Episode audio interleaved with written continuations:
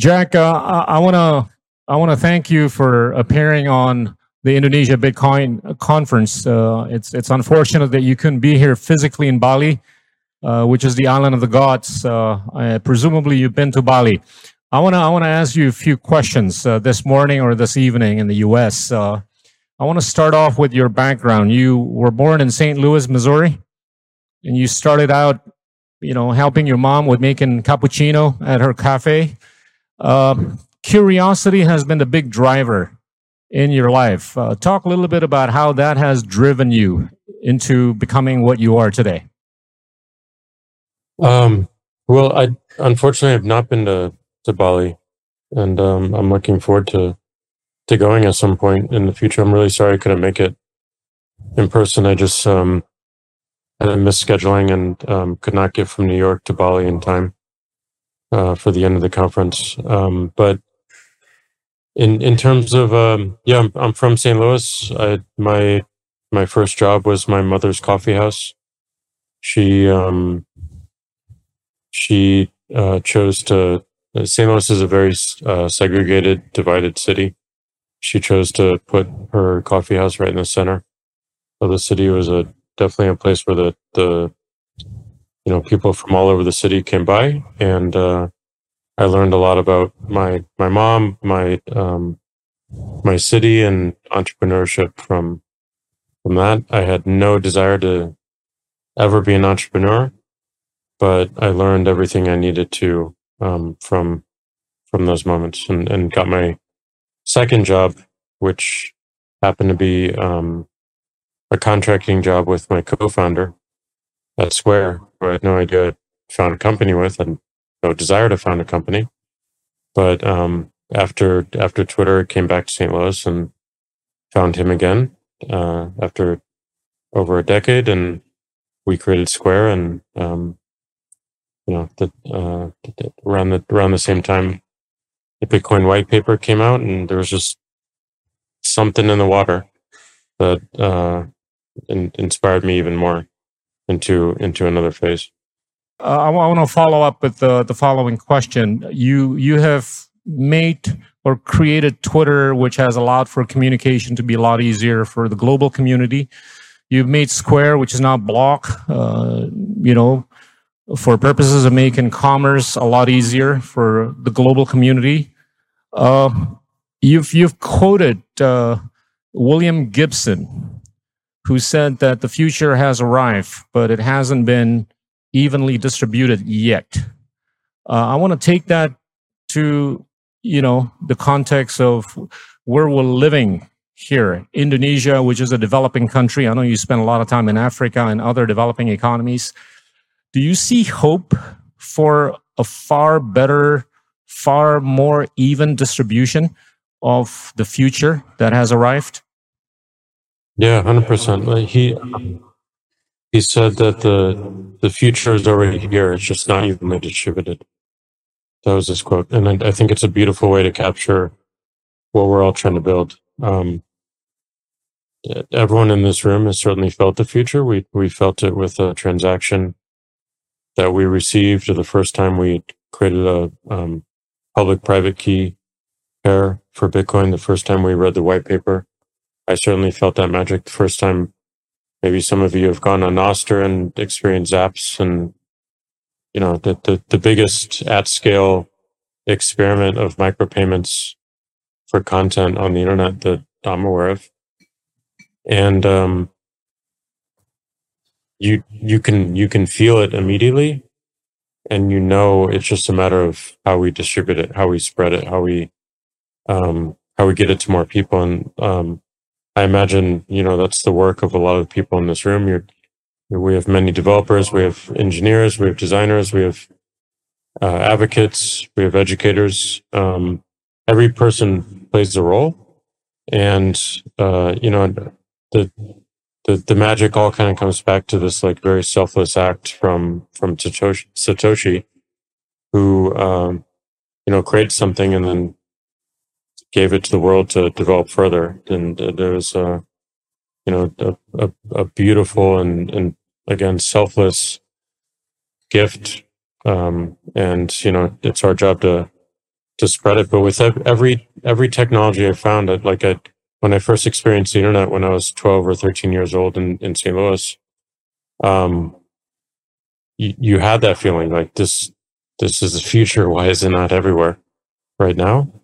But you know it's just going to happen, and and that's you know what what I felt with Bitcoin and what I feel right now with uh, with Nostr and um and uh yeah, and I, I hope you've all felt it too, because if you feel it, it it's much easier to spread, and it's much easier to spread that future. It has to be tangible. Before we get into uh, Bitcoin, I want to talk a little bit about technology. Uh, a lot of people have been saying that there's been a pretty significant degree of suppression of innovation in the past few decades. I know it's kind of weird because we've we've heard a lot about you know innovations being made here and there in many parts of the world, but you know there's this argument that the central bank hasn't really been too innovative. You know, the only thing that they've been innovative in would have been by way of doing a massive scale of quantitative easing. And it hasn't really reached you know, most parts of the world. And it's gotten a little more elitized since a few decades ago, uh, you know, from a global economy standpoint. Do you, would you agree to the statement that, you know, there's been a pretty significant degree of suppression of innovation in the last few decades? And if you did, what do you think would be the antidote? And would Bitcoin fit into that? Uh, well, we're, I mean, in the last few decades, we had Bitcoin, so certainly there wasn't a suppression of innovation. We had something major that I, I think, um, well, it certainly replaces the need for the bank that you just talked about. Uh, and I, I can't think of a greater innovation than that to um, replace an entire institution, replace an entire system, re, you know, give um, give give something that that uh, you know people can use directly, see directly, um, trust because they can they can verify it directly. Um, that's pretty powerful and pretty innovative. So I don't think there's been a if there has been any suppression of innovation, it worked because it created more innovation. And uh, um, you know, the, the the right way will always find a way. And um, no matter how many people or, or systems um, are created to su- suppress something, there, there's always there's always a way out, and I've certainly experienced that in my own lifetime and my own creations and my own work. Um, and you know, I think we're at a yet another precipice with with Bitcoin with with Nostr. I think there's a I think Bitcoin showed a, a path, an alternative path um, that reminded us of the early internet that that was against the um, the path of a more centralized corporate internet that that you know my my company was was going down as well and i think um, that reminder was important and it only um, it only helps um, bloom and you know a, a thousand more flowers of, of people thinking about similar things and and and building uh, towards that mindset. And I do think that is innovative.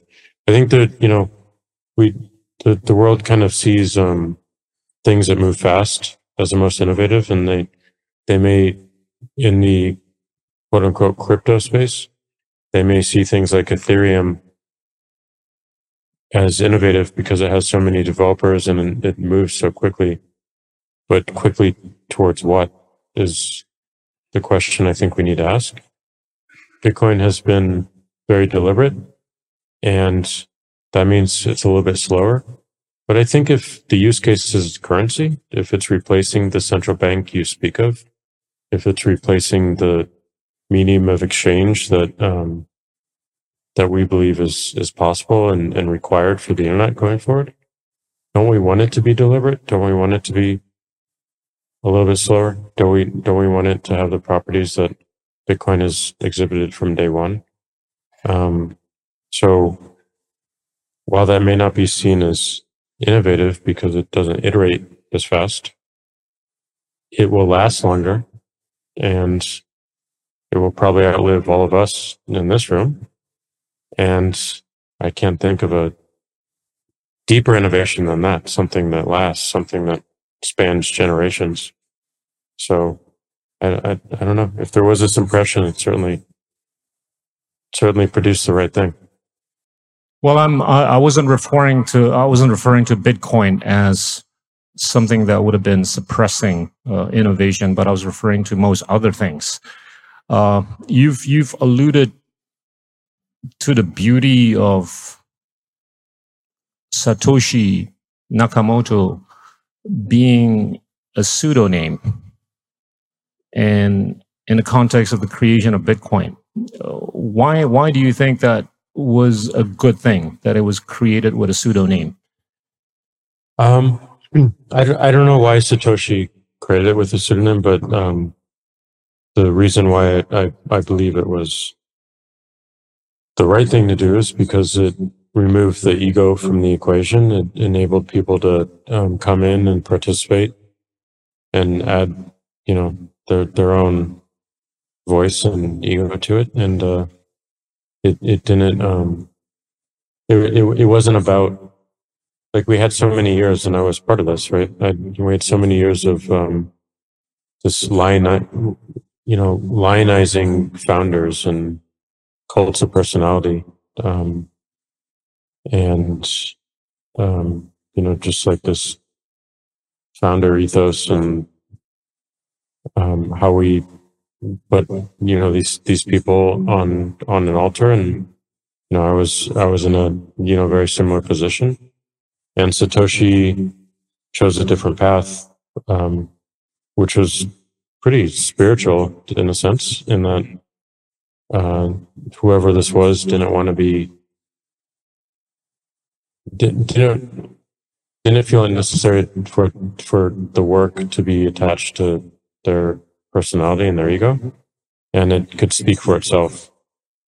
Um, and you know, a pseudonym was uh, the way to do that, and the work spoke for itself. I mean, if Satoshi came back today, I you know, I hope people would thank whoever this is and be grateful, but I, I don't think they would change the course of of Bitcoin much, um, given given how much it's um, you know it, it, was it was built with that intent of living past uh, a particular identity and, and past a particular person, and it's worked.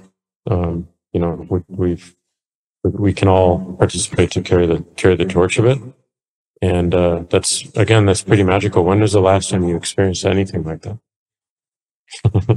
I, I don't know of one occurrence. I can't point to one other occurrence where someone created so, so, of something of such importance and um, consequence without attaching their own name and personality and ego. Name one. Zero.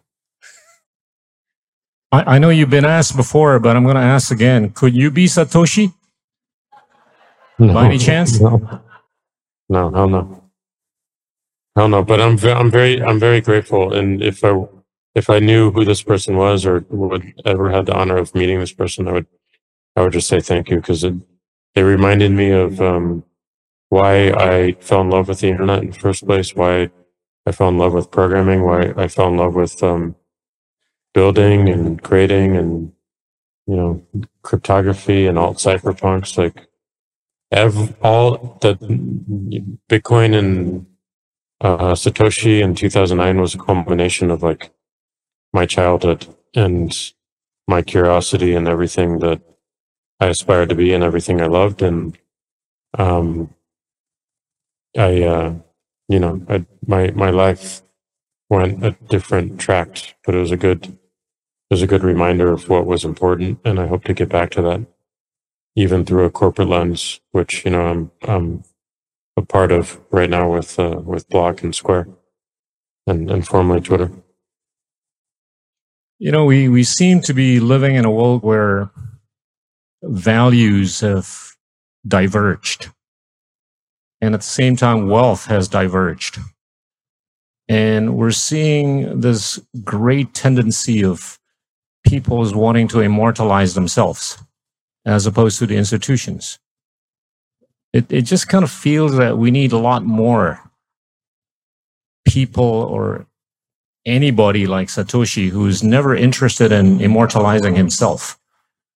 I mean, he was really great at immortalizing institutional building, which I think the global community has learned to enjoy a great deal. Would would that be the right path of thinking? Um, to follow follow in this person's path. Yeah, I mean, Yeah, I, I- I- you know, he's he's never given speeches, right? Ever yeah, I think we've seen it. I think we've seen a bit of it. I mean, I know one recent example is Nostr, like fiatjaf. Pseudonym, I have no idea who this person is. I think he's a person from Brazil. I've heard his accent. Sounds Brazilian. He's got the Brazilian sarcasm and um, he's, you know, a little bit uh, abrasive. So he fits the pattern, but I have no clue who this person is. He, he created something brilliantly simple and people recognize that and wanted to support, including myself. And you have developers now all over the world who are taking not only what he built, but mixing it with what Satoshi built in the form of uh, what William did with uh, of, of Damus with Zaps, who I, I think is at that conference. I hope he's at that conference. Sorry to miss you, William and Vanessa, um, and Mr. E. But you know, you have people you have people like Will who you know took these these two pseudonyms and believed in what they created and are creating something new. And I, I think it's a use case that the world um, hasn't really realized the, the true value of. But again, it's like the only, it's the biggest singular um, experiment of micropayments on the internet. We've been talking about micropayments on the internet since people were talking about the internet since I was a kid.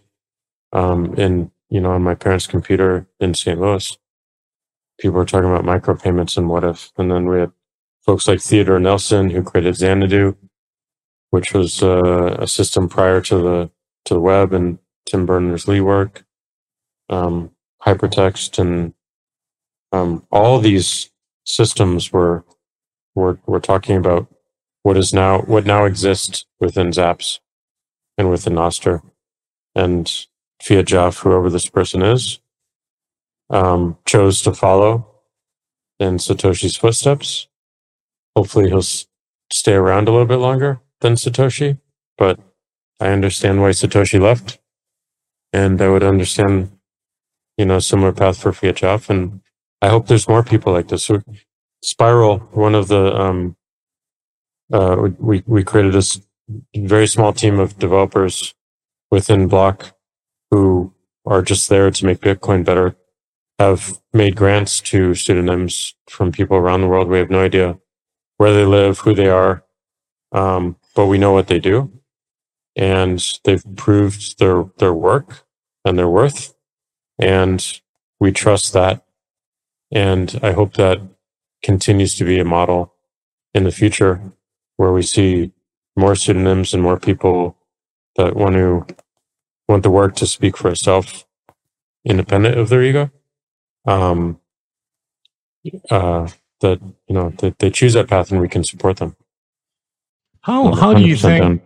how do you think the creation of something like Bitcoin through a pseudonym would be able to resist this massive resistance from hmm. the pre-existing establishment called fiat and and you know in in, in a famous words of somebody that you know i mean money is really a database that allows for the exchange of goods and services right and money has to have certain qualities It's got to be durable. It's got to be recognizable. It's got to be divisible. It's got to be portable. It's got to be scarce. Bitcoin just seems like the perfect antidote or answer to any pre-existing monetary instrument. It, it allows for that optimal intersection between what travels over time and what travels over space. But the fiat establishment just seems so doggedly sticky uh, without any ability to show open mindedness about this cool innovation. How, how do you think we're going to be able to overcome that resistance? Ignore it.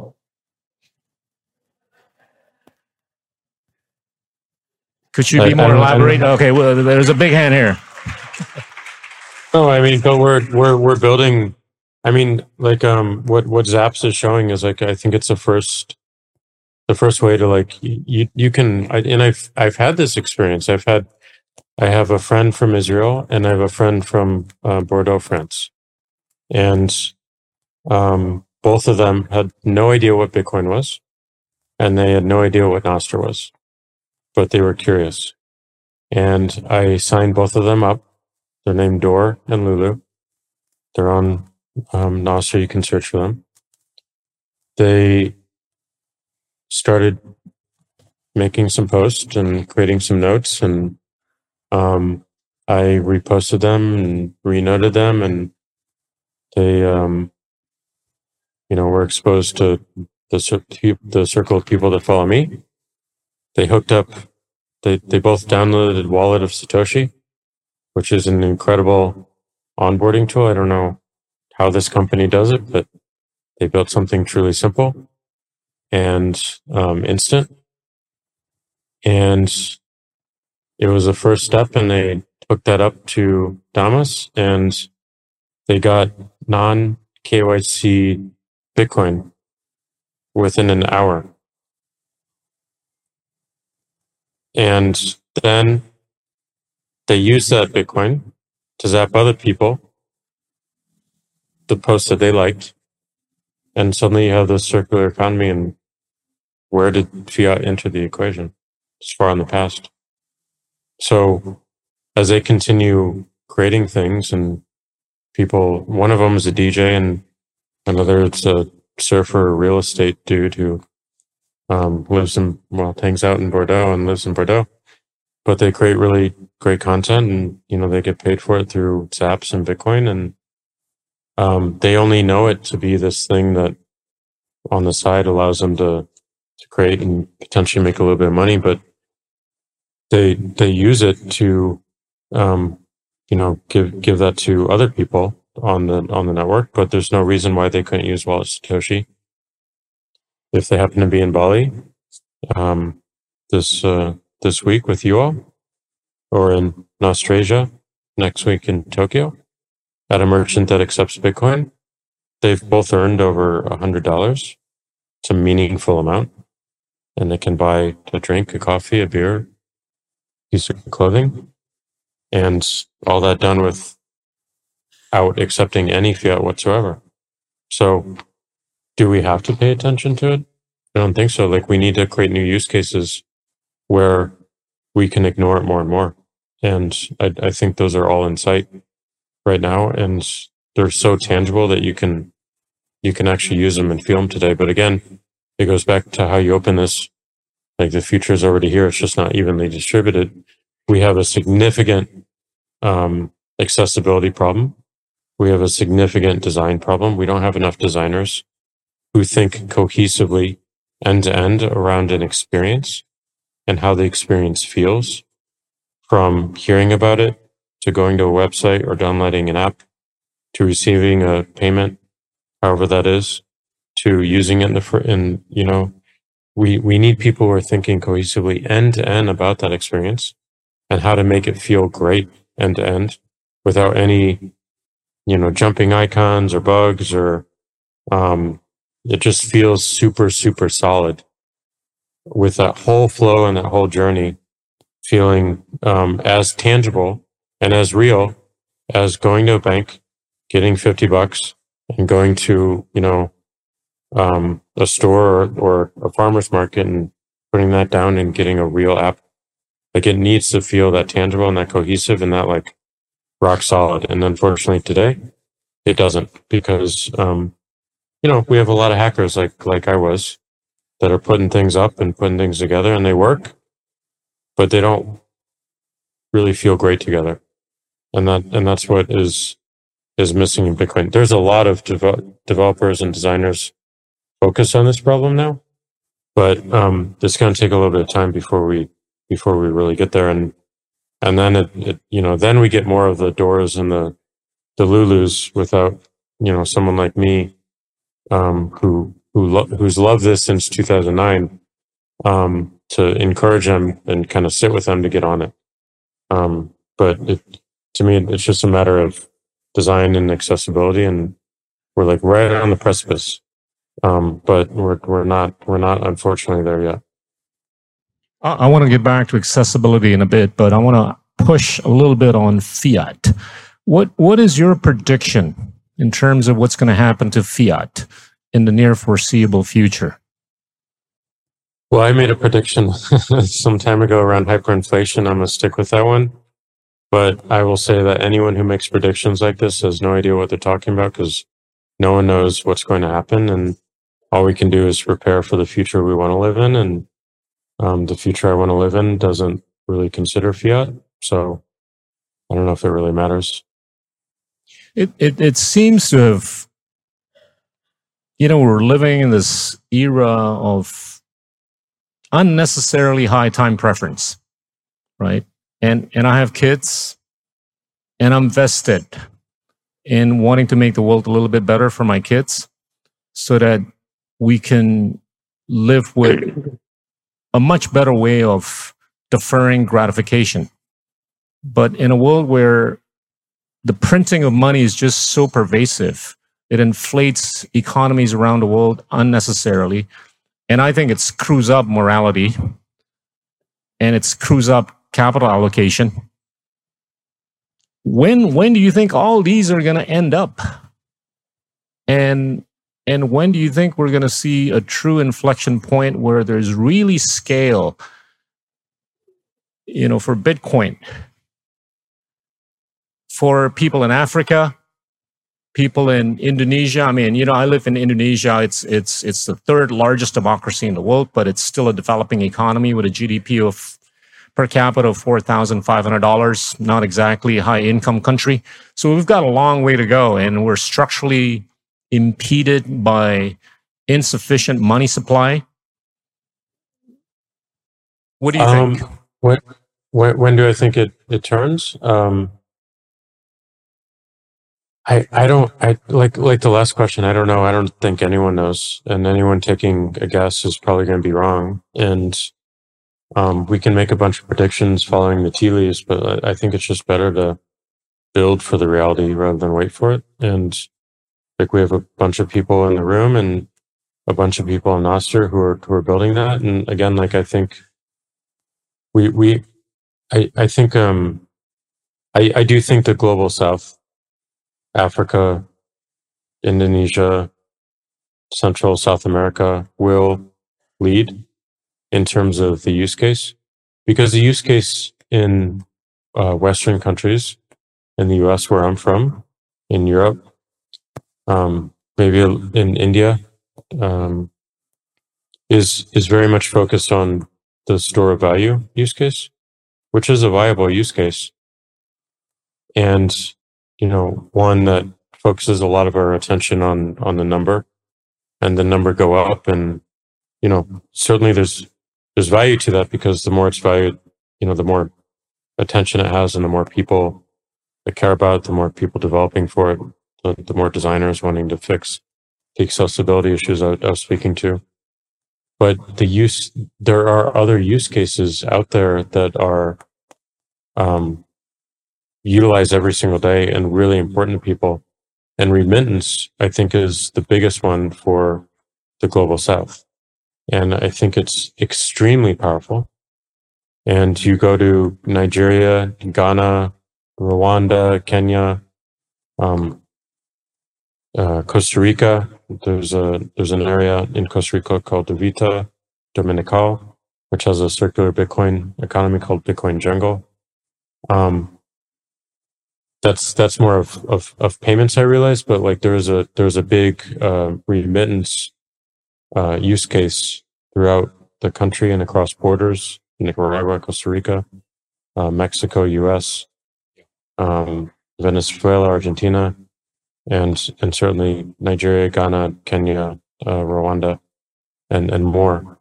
So like look at look at Nigeria um, during the End SARS protest the government went around and found all the protesters, shut asked the banks to shut down their bank accounts, um, shut down Western Union uh, during those protests, and people turned on Bitcoin addresses, and the world responded by sending Bitcoin to them, and um, they were able to send that that Bitcoin amongst themselves as well. So I, th- I again, it, it goes back to the quote: like the future is already here; it's just not evenly distributed, and we have to look at these use cases and look at where they can be utilized more and, and spread them and make them more accessible. And it's, it's all a function of like building and, and more people wanting to build for the system because it's, uh, you know, because it's the right thing to do and it helps the majority of people instead of building for things that, you know, only help, um, a certain class of people, such as all of Web3 and um, a lot of you know Ethereum. I'm sure there's some really good projects within Ethereum as well, but um, not for the currency use case, not not for the remittance use case, not for the store of value use case. You could argue with that, of course, but like um, like I I, I want my I want my currency to be what Bitcoin is and and has its attributes, and that it lasts. Um, so like I, I think more and more people will come around to that notion as they see the importance of it. And there's more conflict in the world emerging every single day that uh, points towards the reasons why it's it requires more attention and it requires more development. I'm I'm in a camp that believes that sub-Saharan countries most developing countries in the world have great ideas. And what stops them from becoming a Jack Dorsey or all the great personalities in Silicon Valley is really access to capital or lack thereof, right? And to the extent that Bitcoin can serve as a true alternative to pre existing convention, then I think there's this structural technological impediment where there needs to be an improvement in the context of how the number of transactions over Bitcoin or involving Bitcoin can increase on a per second basis, on a per minute basis, you know, to the level that fiat has been able to be achieving so far, if not better. How, how do you see that technological impediment being overcome? Oh, well, that's just work. Um, I think, I think to your point of access to capital, uh, I, it's right. Like, you know, there, there is a, you know, there, there's a sig- significant concentration in places like Silicon Valley. Um, I had to move from St. Louis to New York to San Francisco. I tried to start a company in New York. Uh, was you know we we tried to start Square in New York after after Twitter, and we couldn't afford to pay any engineers because the hedge funds were paying them eight hundred thousand dollars a year, and they didn't have you know the concept of equity and um and and what made you know San Francisco companies thrive um, in in that model. And again, there's arguments for and against those models, but it is what it is. We we were able to move very very quickly because of it, and and because there were so many people thinking in the same way, you could have really interesting conversations, meet great engineers, make great desi- meet meet great designers, and build something super quick. Those communities are building in other places. Ghana is one such place. Nigeria and, and Lagos is another such place. I've I've experienced it myself, especially within the Bitcoin realm. Um, and there there are places in Costa Rica, um, in in South America, in Central America, that you know see similar attention, but the the capital is not necessarily there yet. But I do think it will follow, and I I do think it'll follow from you know dem- demonstrating more of the of the use cases. But I do think it also needs a jump start. It, this is one of the reasons why um, uh, myself and uh, Jay Z created a, a fund um, called Btrust, where we gave uh, 500 Bitcoin, um, which was a lot of money when we gave it at the time, and it'll be a lot of money in the near future again. Um, we gave uh, this 500 Bitcoin to uh, a board. Um, this is a, a board of uh, you know four people, and they're hiring a CEO. They all are on the continent of Africa. Um, one of them is a core um, a Bitcoin Core developer. Um, sorry, two of them actually, uh, and um, one of them created Fedi, uh, Fedimint, which I hope that some of you are aware of. If not, you should you should explore it. But you know, really, really great people who are now tasked with um, granting that that 500 Bitcoin into the global South to um, really support these use cases that are actually critical needs instead of like Bitcoin in the in the US and in a lot of Western countries is you could argue and I would argue that is a lot out of desire. Um, but the Bitcoin use case in the global south is out of need and necessity. And necessity, you know, creates amazing invention. And it, it does lack capital and support right now. But you know, this is one way to to jumpstart that. And then, you know, as you make these grants to people, they will, um, you know, earn more and um, be able to grant themselves and and help a, a broader ecosystem. And the most beautiful thing about the, the Bitcoin and and I think also the the Nostr ecosystem, um, which I keep mentioning because I think they're so symbiotic and they help each other immensely um, or will help each other immensely, is that if you create a company or you create a project for Bitcoin, everyone in the Bitcoin ecosystem benefits. And anything they do to benefit it, you get benefit from. Like it's just the most amazing virtuous cycle I've experienced. And um, of course, there are bad actors and there are people looking to scam. And we've certainly had them in the Bitcoin space. And of course, the broader crypto space, but uh, you know the the the ecosystem is um, resilient and it's going to look out for itself and it will self correct and it will have the antibodies to you know destroy the um, the the things that try to harm it.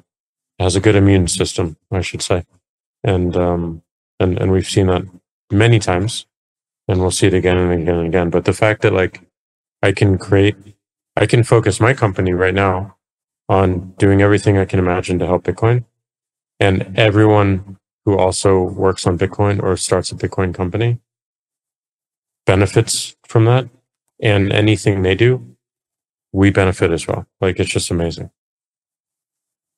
Just to to give you a sense, uh, Indonesia, which is not a small potato, it's um, you know, the largest population in Southeast Asia, the fourth most populous country in the world, the third largest democracy in the world.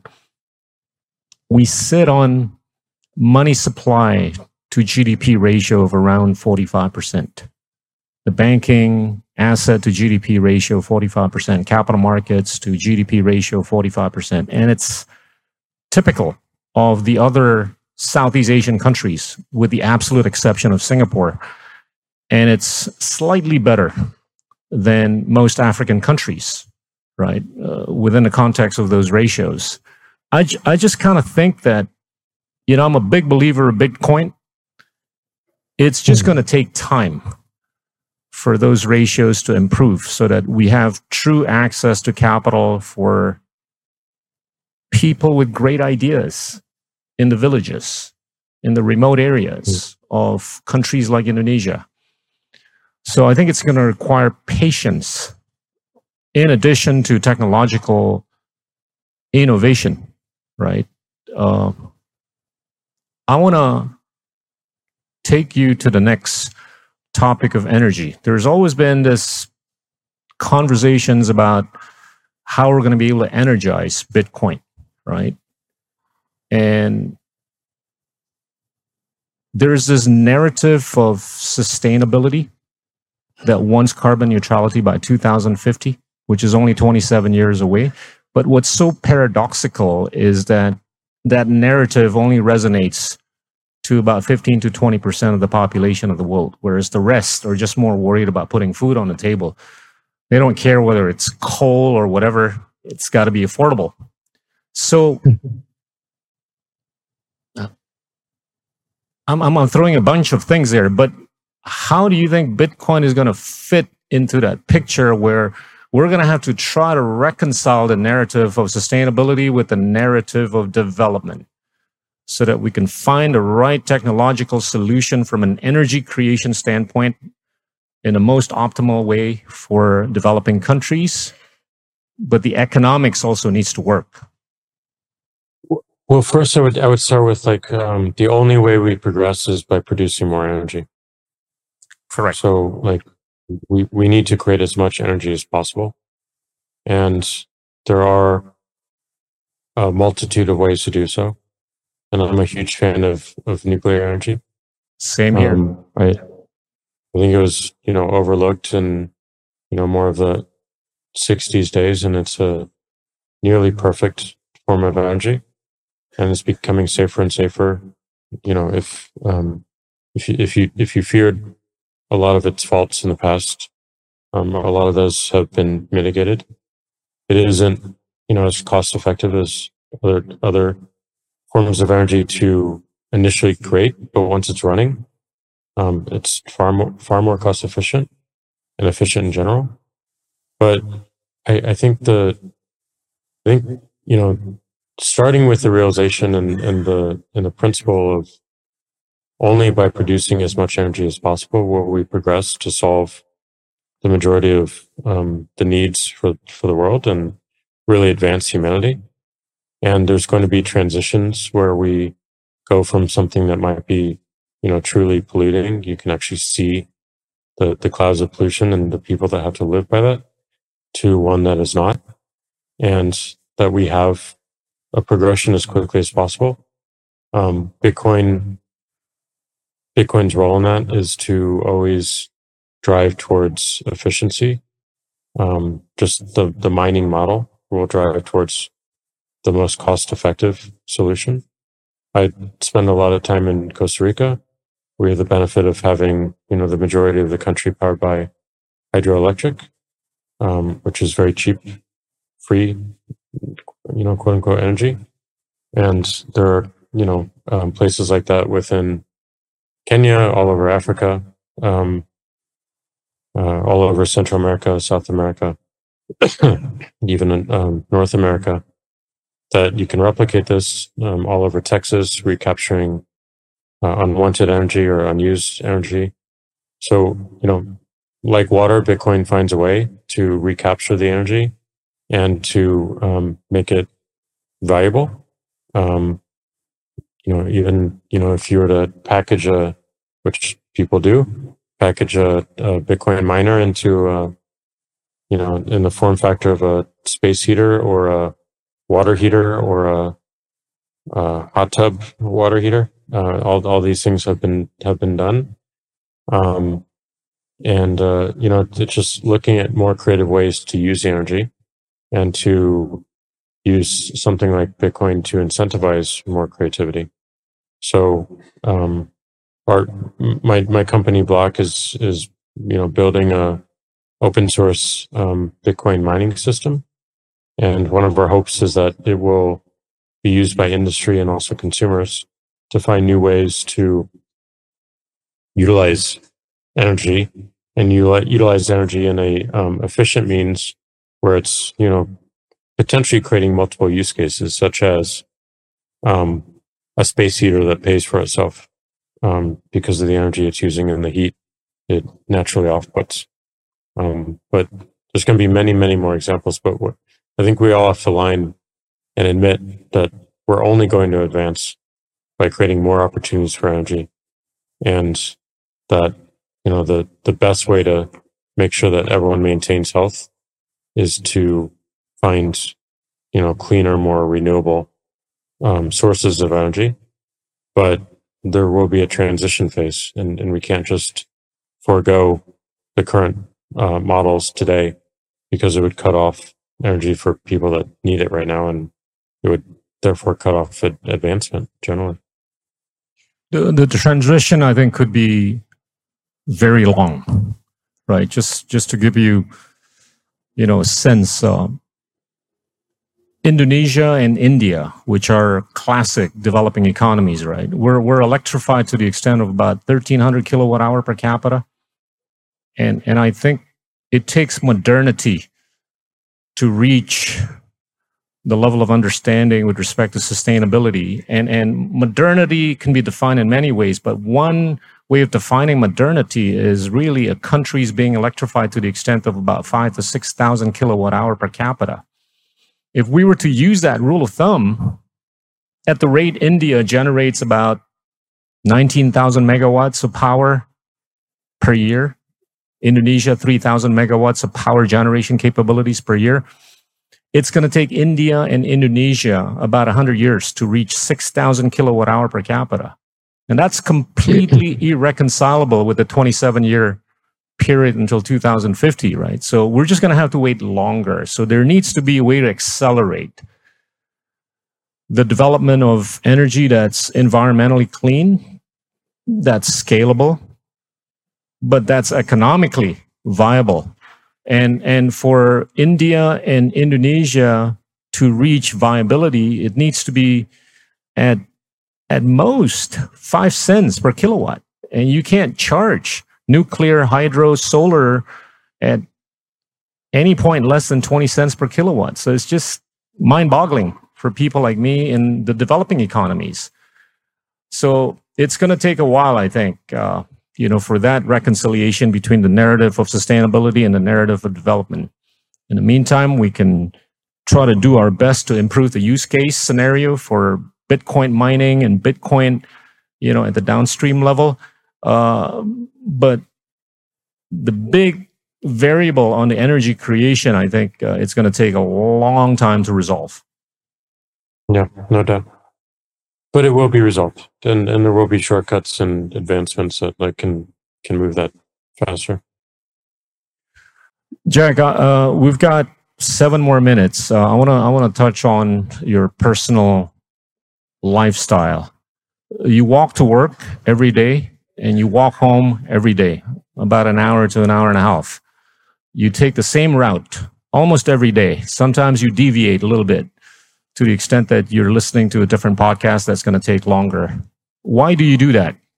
Well, that, that was when I was full time in San Francisco. Um, but you know, the, the consistent thing is, um, I, I want to, you know, I try to find a, a routine that allows me to to think, and walking is the, the best uh, version of that. If I was there with you all, I'd be walking on the beach every morning, um, whatever the longest stretch of beach I could find, and I can go like I I usually do about two hours a day, but if you know the beach allows it or the road allows it, I'll do four or five, whatever it takes.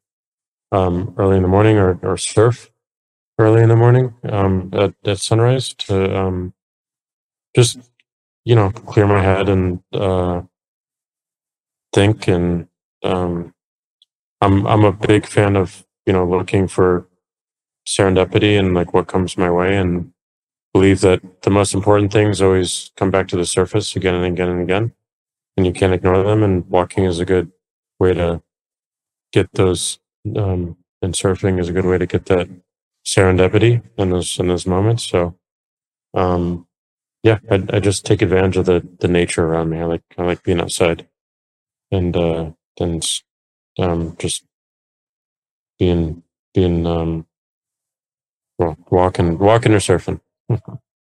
Presumably, you've been to Bali, right? And you've been surfing here.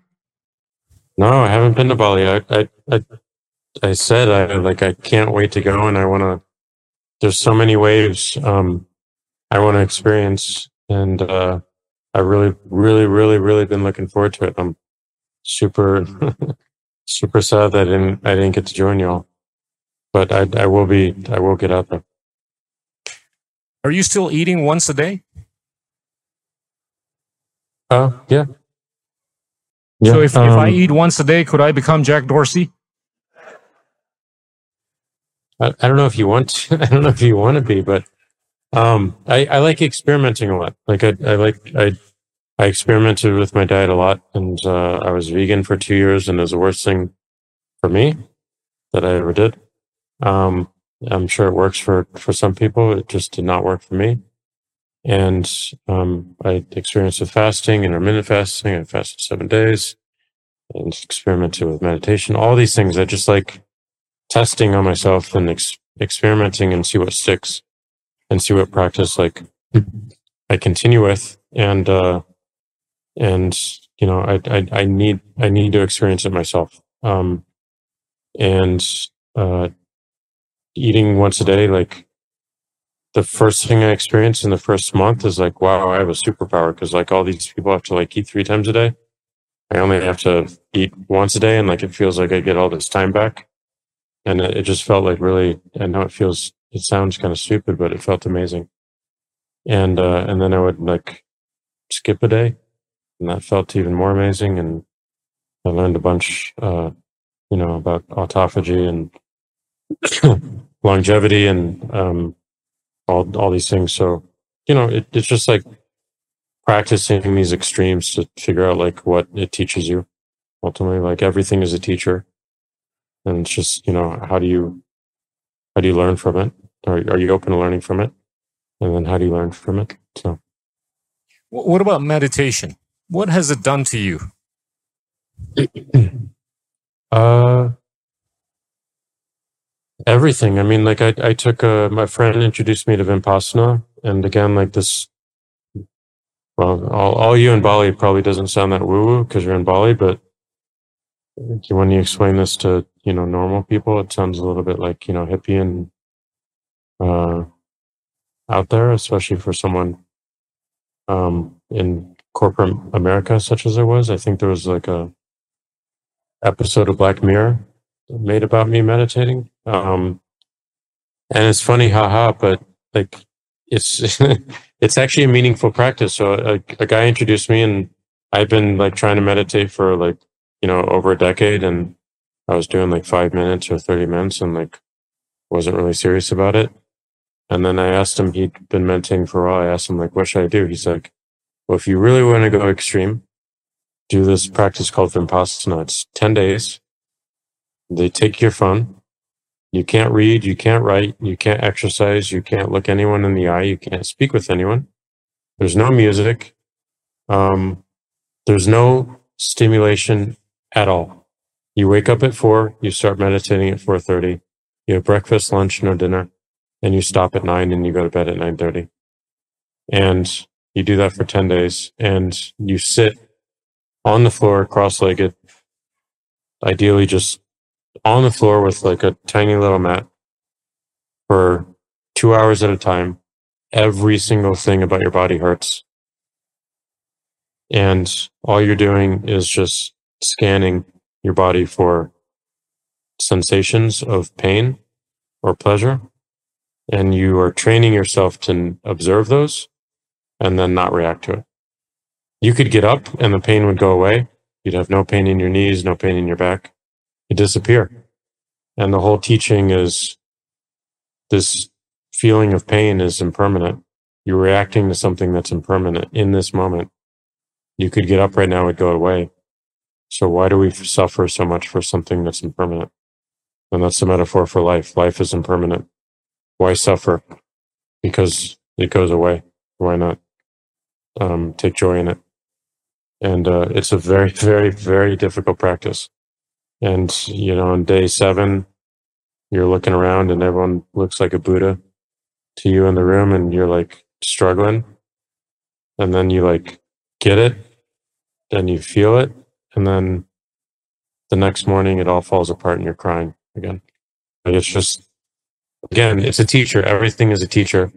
So put yourself in some uncomfortable situations like meditation or not eating, um, not for too long, drink water, um, or doing something you've never done before. Like, you know, those of you in the room haven't surfed yet, first time in Bali, go surf. Um, there's a very nice, very nice longboard wave right outside where the conference center is, I believe. Um, and, uh, and, and just go, go do it. See what it feels like. I'm with you, man. I I've done that too. So the last question you've you've alluded to revolution being better than disruption. Talk about that. Well, the the context for that is like um you know my my cohort of uh, technology companies, Google, Facebook, mainly Facebook, was all around like moving fast and breaking things and disruption and you have to be a disruptor. And you look at that word and like you realize what it is. And like it, disruption is like destructive chaos. And and the thing that always got me about using that word is like it had no purpose whatsoever. It was just like random chaos to be disruptive. And i know i'm being overly literal here but you look at that versus like revolution which has deep purpose and a reason why and a feeling of movement. And that's what the internet was after it was developed by the military. Thank you very much.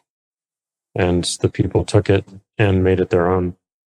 It had this movement quality to it, this revolution quality where it had purpose. The purpose was to free information, to free cryptography, to free mathematics, to free knowledge, to make it universally accessible to everyone, um, no matter who they were or where they lived or where they came from, how they grew up. And that was, uh, that wasn't disruption. That was revolution.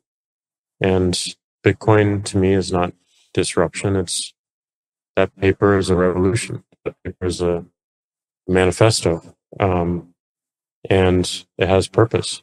And that purpose was you know, inscribed in 2009 with the first block, the Genesis block, and the headline of, um, you know, the chancellor and uh, bailing out the banks the second time.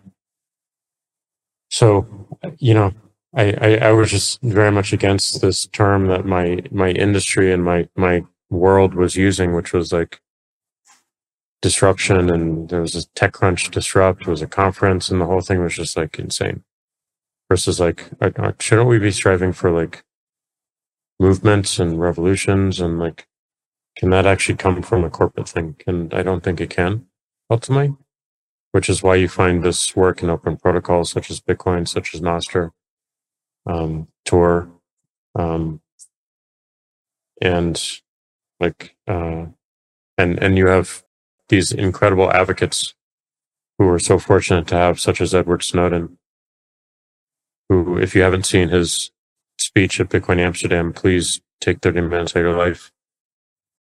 He's an incredible follow on, on Nostr, a huge believer. We're going to be interviewing him at the, at the conference, um, Nostrasia, Nostrasia in, the, you know, November 1st through the 3rd. It'll be broadcast. So you got great people here and, uh, they want to build and they want to be part of a movement and want to create a revolution. And you know, that that that's what we need right now. Not not just random random chaos. We need purpose. Jack, you've you've you've done great things. You've done things on the basis of intuition, timelessness, and value. For that, we admire you, and thank you for attending and gracing this event. Thank you. I, I only wish you were here, man, physically. We only please, wish you were here please. physically. We got a surfboard here ready for you. No, but but please, I, I know you're in the conference room, and I know you're listening to all these these talks, and I I heard the last one, and it's amazing. but I, the best part of these conferences is actually getting out to the community and uh, and meeting the real people and like you know leaving leaving a mark in some way and the mark you all you all can leave is you know get someone signed up for for Bitcoin and teach them why it's important and teach them uh, you know why it can why it can help them and and why it keeps their government in check uh, and uh, and any authority in check. So you know, please you know just pull someone aside that lives there and is native, and uh, whether it be a surfer that you see in the in the lineup or on the street, and just you know show them what show them show them why you're at this conference. That that it, again, it's like back to the original quote. Future's already here. It's just not evenly distributed. It's us up to us to distribute it. William Thank Gibson. you. Thank you so much, Jack. Take care. Yeah. Good. Thank you so much, ladies and gentlemen. That was Jack Dorsey. Inilah Endgame.